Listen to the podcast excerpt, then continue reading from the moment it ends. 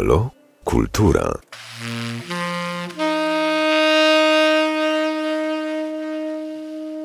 Gościem Radia Lublin i Halo Kultura jest Anna Dobrowolska, autorka książki Byłem fotografem w Auschwitz. Prawdziwa historia Wilhelma Brassego. Kłaniam się nisko, witam serdecznie. Dzień dobry. Co jest w tej historii i w tej postaci, że na nowo po raz kolejny chce pani ją opowiadać? Powstał dokument, mamy teraz książkę i trwają prace nad, nad fabułą. Co panią najbardziej poruszyło w tej historii, że chce ją pani po raz kolejny opowiadać? Myślę, że przede wszystkim to, że Wilhelm Brasse był niezwykłym świadkiem historii. Od samego początku, wtedy jeszcze mojego męża, który nie był moim mężem, ale w postaci pana Brasy zainteresowało to, że nikt, nikt wcześniej nie zrobił o nim filmu. A jest to przecież jeden z głównych świadków historii przez prawie pięć lat, niemal od samego początku do końca obozu był głównym fotografem, który wykonywał tam bardzo nieprzeciętne fotografie. I my e, znamy głównie fotografie policyjne, czyli takie w trzech ujęciach. E, może czasami e, widzieliśmy fotografie portretowe Niemców, ale rodzajów fotografii, które wykonywał pan Brasse, było niezmiernie dużo. On fotografował również pseudomedyczne eksperymenty, fotografował kaleki, te wytatuowane osoby, szpiegów rosyjskich, którzy byli szkoleni na terenie Auschwitz. No ten przekrój jest bardzo szeroki i dopiero poznając go też poznajemy historię tego miejsca. Czyli wiemy tak naprawdę albo próbujemy dotrzeć do tej prawdy, czym było życie w obozie, szczególnie dla osób takich jak pan Brasek, którzy byli tam tak długo nie banalizując tego, ale dowiadując się po prostu detali, które budują nam ten świat i pokazują, jak to rzeczywiście mogło wyglądać, takie życie w piekle i jak można się do tego zaadoptować. To, że Brasse został e, fotografem w Auschwitz, dokumentującym właśnie e, ten dramat, tę machinę zbrodniczą, to z jednej strony oczywiście była przepustka do życia dla niego, z drugiej strony oczywiście przekleństwo, z którym później zmagał się przez całe życie, ale jak został tym fotografem, bo to wcale nie było takie proste. Była rozmowa, był, był konkurs, można powiedzieć, aby zostać takim fotografem. Jak... Tak, dzisiaj byśmy powiedzieli rozmowa tak kwalifikacyjna tak i, i, rzeczywiście e, pięć osób razem z panem Brasy zostało do tej rozmowy zaproszonych. Wtedy przyjechał e, szef e, komanda Erkenun Zings, komanda rozpoznawczego Bernard Walter przyjechał z Sachsenhausen, gdzie ta komórka już istniała, więc jakby na jej przykładzie został powołany do, do zbudowania, do skonstruowania podobnej w Oświęcimiu. No i szukał fachowca. On sam nie był tak dobrze wykształconym fotografem jak pan Brasse. Podobno pracował w kinie w jakiejś małej miejscowości niemieckiej, tam puszczał filmy. Jak doszło do tej rozmowy z pięcioma osobami, no to okazało się, że pan Brasse nie tylko wykazał się talentem i, i taką olbrzymią wiedzą, no ale Myślę też coś, co jest bardzo istotne. Mówił płynnie po niemiecku, rozmawiali bez tłumacza. To na pewno też mu pomogło. Ten fakt zdobył tak naprawdę, no, można powiedzieć, że też trochę przez nieszczęśliwą sytuację, bo nie mógł po prostu kontynuować nauki i, i, i musiał zacząć na siebie zarabiać. No tak, rzeczywiście. Został relegowany ze szkoły i musiał pójść do pracy. No i tutaj jakimś cudownym zbiegiem okoliczności rodzina pomyślała o ciotce, która w Katowicach miała laboratorium fotograficzne i najpierw rozpoczął tam praktyki, a potem, jak już czuł się pewniej, był dobrze nauczony, wykonywał sam fotografię, a nawet pod koniec stał się, można powiedzieć, no, mistrzem retuszu, bo wtedy fotografia jednak wyglądała inaczej. Trzeba było mieć również talent do taki malarski bym powiedziała i pan Brase znakomicie się w tym sprawdzał. Podobno ustawiały się długie kolejki kobiet, które każda chciała pięknie wyglądać. No i właśnie, potem tak nagle zmieniło się jego życie. Tak, był, był mistrzem retuszu, był mistrzem e, także tego kontaktu z portretowaną osobą, bo trzeba było odpowiednio ustawić twarz, aby skrócić na przykład nos, aby pewne, e, pe, pewne walory to jest uwypuklić. To bardzo ciekawe, co pan mówi, bo nawet jak poznał mnie po 70 latach, a przecież pamiętajmy, że nie pracował w zawodzie, a jednak mimo wszystko patrzył jak fotograf. Po prostu od razu w pierwszej chwili powiedział, gdzie ustawiłby światło, z której strony mojej głowy, w jaki sposób, co mam za krótkie i za długie, tak jak pan powiedział. Także myślę, że on do końca patrzył na każdego i właśnie wchodził w pewną relację od razu jak fotograf, mimo że dotknęło go to tragedia, nie pozwalająca mu więcej wziąć kamery do ręki.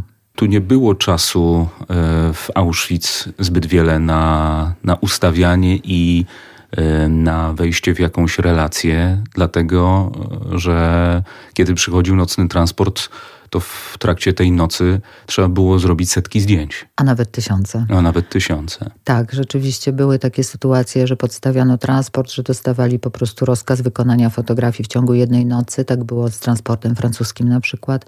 1100 osób zostało sfotografowanych w ciągu jednej nocy. E, a tak w ogóle rzeczywiście pan Brase mówi też w naszym filmie i, i piszemy to w, pisze to w książce, że te fotografie wykonywał szybko, sprawnie, robota szła szybko, sprawnie, on tak o tym mówi.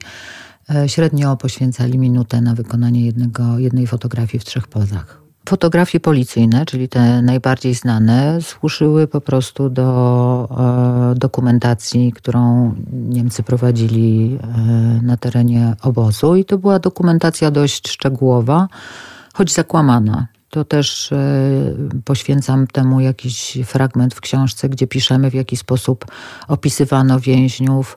Bardzo często kłamano, jeśli chodzi o powód śmierci. Często zdarzały się opisy zawał serca, a oczywiście zawałem serca to nie było. E, I e, a natomiast inne e, rodzaje fotografii były zwykle na zlecenie różnych osób, które w e, obozie pełniły różne funkcje. A zatem inne fotografie wykonywał dla lekarzy i tutaj był to nie tylko doktor Mengele, ale też doktor Wirz albo inni, którzy mieli, pełnili tam jakby inne funkcje nieco niż, niż Mengele. Na przykład wspomniany Wirc był e, doktorem ginekologiem, więc Brace również takie zdjęcia wykonywał dla niego. E, były też zdjęcia karnej kompanii, które też prawdopodobnie były na zlecenie e, szefów tej, te, tego komanda, e, prawdopodobnie tej kompanii. Prawdopodobnie wykonywał też na zlecenia nawet zdjęcia prywatne, bo tak jak mówi, dost, to znaczy jeśli ktoś z niemieckich oficerów, podoficerów miał pozwolenie, no to on mógł wykonać mu zdjęcie prywatne, czyli właśnie to takie portretowe, gdzie starał się być najbardziej, w moim przekonaniu, artystą. I też w filmie e, dokumentalnym portrecista opowiada o tym, w jaki sposób przykładał się pomimo braku sprzętu, braku odpowiedniego oświetlenia czy, czy filtrów, jak sobie z tym radził. E, no zawsze starał się podchodzić do tego, myślę, fachowo, pomimo jakby całej sytuacji. Wykonywał też na przykład fotografie nielegalne. To też y, bardzo dobrze jest o tym wspomnieć. Czyli częstokroć pomagał kolegom w, w robieniu zdjęć do, do lewych legitymacji, które służyły im na przykład do ucieczki. E, co jest ciekawe, na przykład przez pewien czas w, w obozie Auschwitz była również e, no, szkolono ich jakby do, do fałszowania pieniędzy, co potem zostało przeniesione do innego obozu i, i zresztą powstał na ten temat film Fałszerze, który już szczegółowo jakby dotyka tego tematu, ale w książce również znajdziecie Państwo rozdział na ten temat, w jaki sposób, e, w jaki sposób fałszowano te dokumenty, kto brał przy tym udział, kto robił zdjęcia, kto dorysowywał i co dorysowywał. No to jest wszystko bardzo ciekawe i w tym Brase uczestniczył, tak jak mówię, pięć lat od początku do końca, a pracował od wczesnego świtu do późnej nocy. Czasami jeszcze wykonywał w nocy te tak zwane fuchy, czyli właśnie zdjęcia, gdzie z kimś udało mu się dogadać i za na przykład dodatkową kiełbasę albo papierosy, tak jak też mówi w dokumencie, wykonywał na przykład na lewo jakieś zdjęcie e, komuś prywatnie.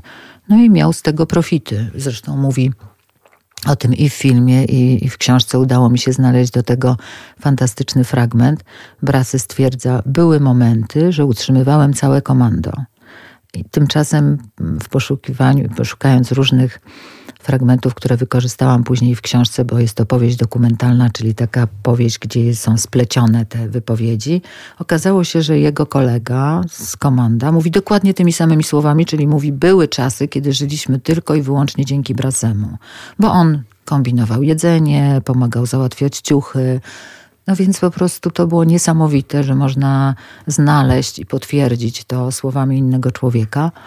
Ta, no ta praca, o której pani mówi, którą pani wykonała i, i przy portreciście, i przy tej książce, czyli to znalezienie tego puzla, to, to, to chyba największa zawodowa frajda to, pani, prawda? Tak, to jest, to jest dla mnie absolutnie fascynujące, że mm, poznając e, zresztą znakomicie, naprawdę znakomicie uporządkowane, usystematyzowane e, dokumenty w Muzeum Auschwitz-Birkenau, jest tak, że jeżeli ktokolwiek cokolwiek powiedział na temat jakiejś osoby, to można do tego dojść. To znaczy, jeżeli mnie interesowała postać Brasego, to najpierw dowiedziałam się, co on sam, jakie sam złożył relacje, ale potem kto wspomniał o nim. Mogłam do tych wspomnień dotrzeć, wiedziałam, co o nim powiedziano.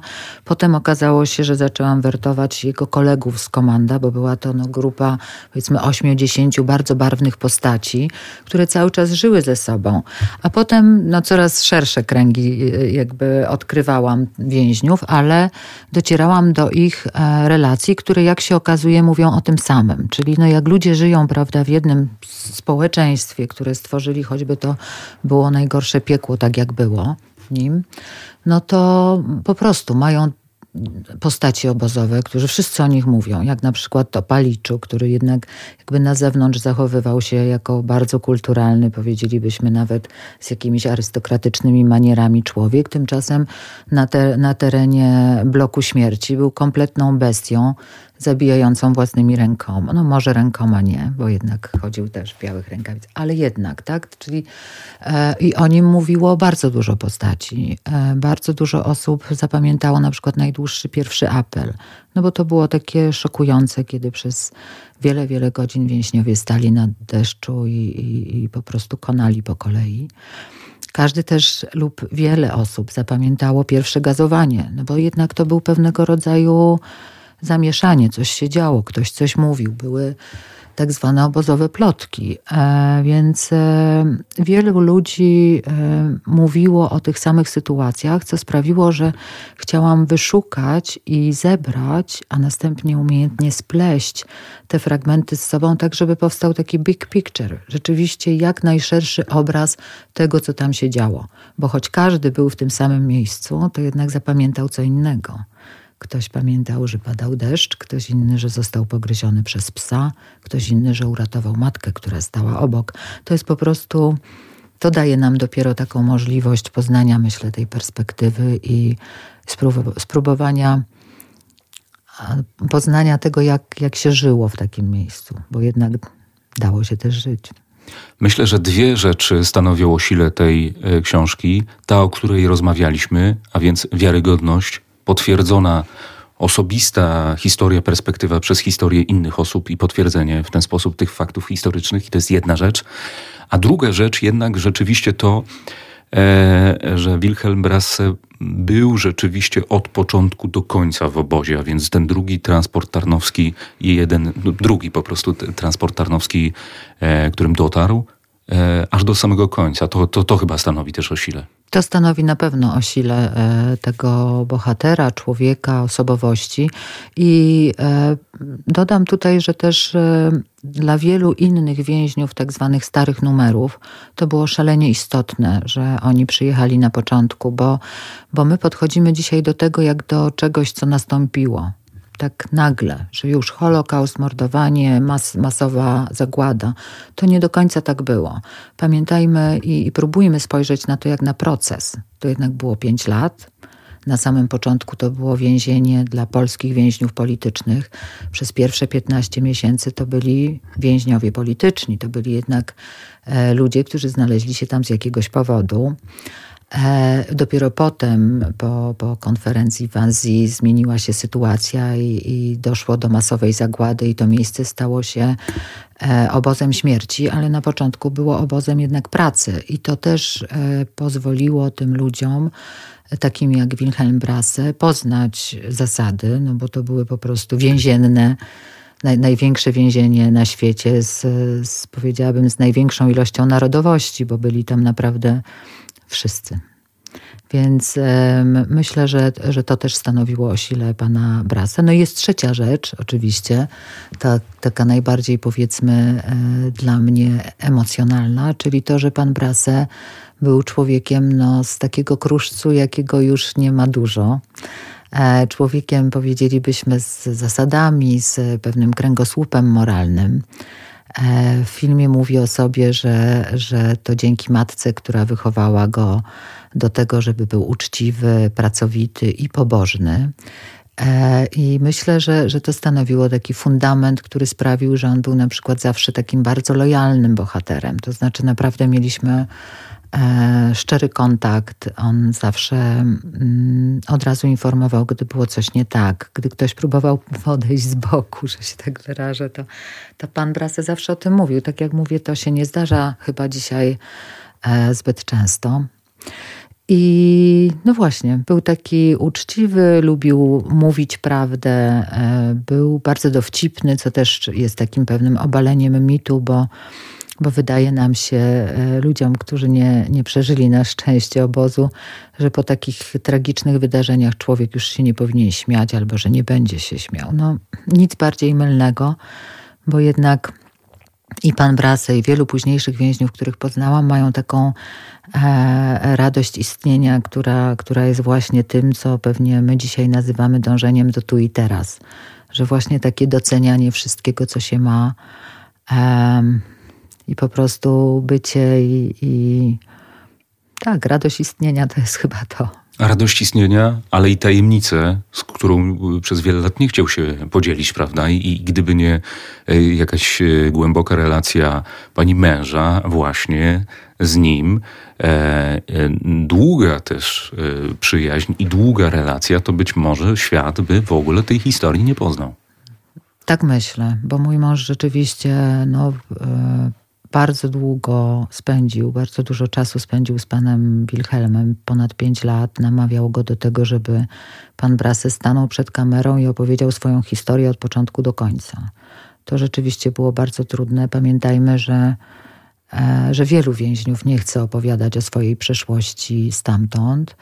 No i myślę, że też bo, bo często mnie e, Państwo dziennikarze pytacie, w jaki, dlaczego tak było, to ja, ja naprawdę nie wiem. To ja mogę tylko powiedzieć, że domyślam się, że z powodu traum, które były z całą pewnością i nie były jedną traumą, z powodu no, tego, że miał koszmary w nocy i, i jednak to było tak jakoś żywe w nim, że też ta no, pewnego rodzaju spowiedź przed kamerą to, to nie było coś łatwego. No, to było szalenie, szalenie trudne dla pana Brasa. E, co zresztą myślę pokazywały późniejsze emisje filmu, na których jeśli byliśmy razem, no to zawsze widziałam go zapłakanego od początku filmu do samego końca. Więc no to po prostu było bardzo ciężkie.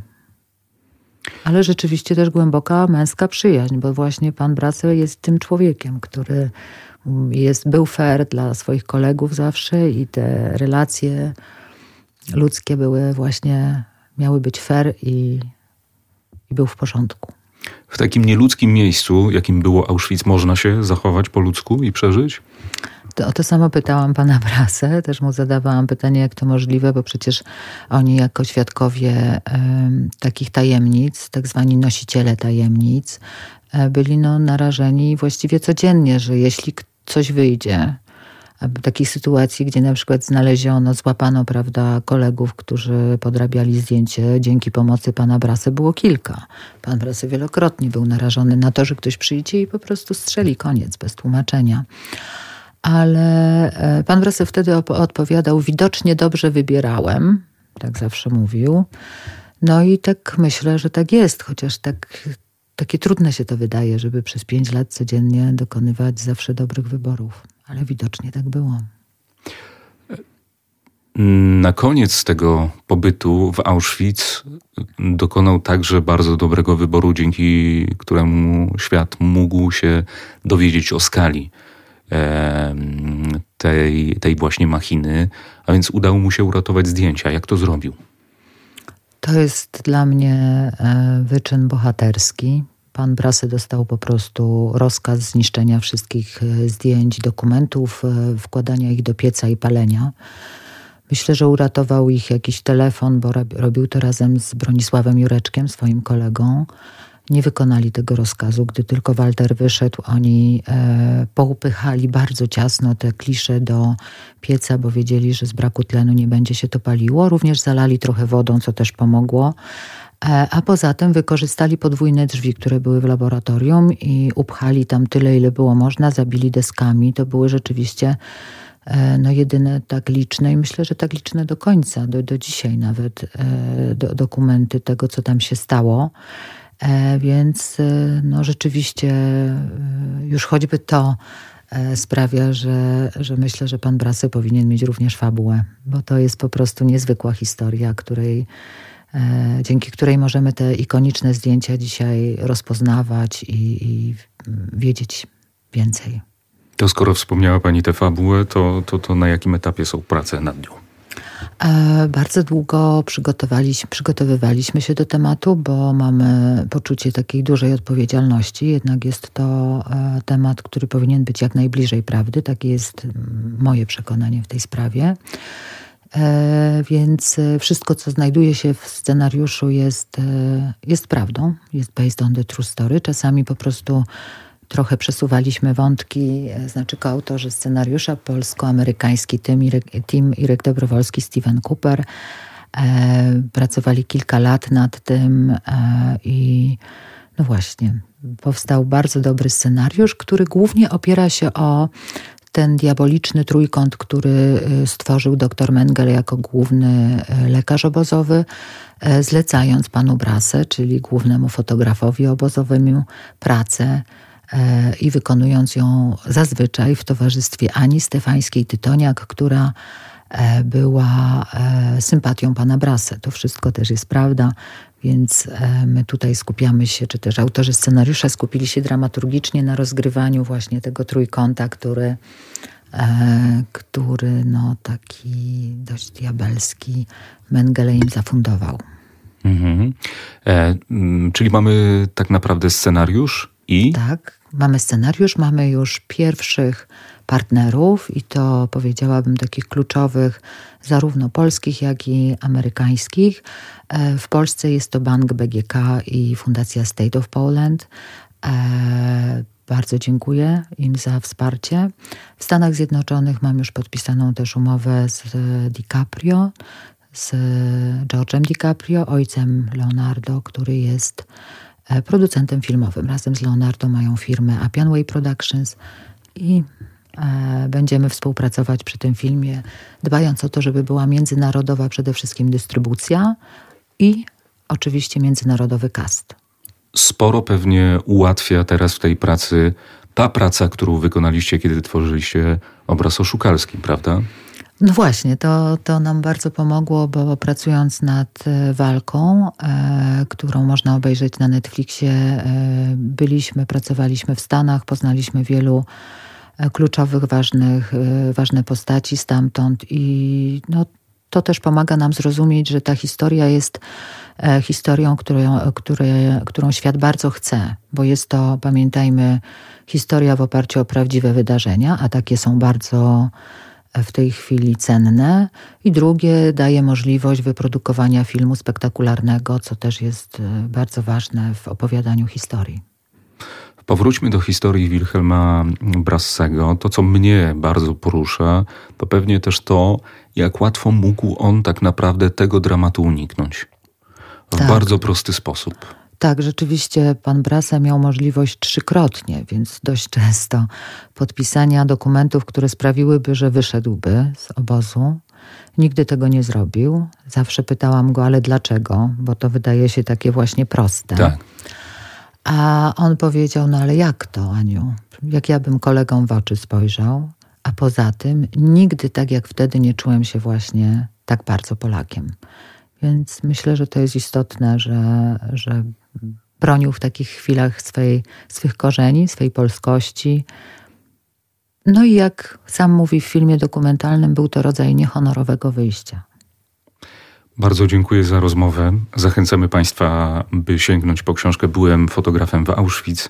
Prawdziwa historia Wilhelma Brassego, Anny Dobrowolskiej i oczywiście zachęcamy, by wyglądać tego filmu i by mu kibicować, by kibicować tym pracom. Dziękuję za rozmowę. Bardzo dziękuję.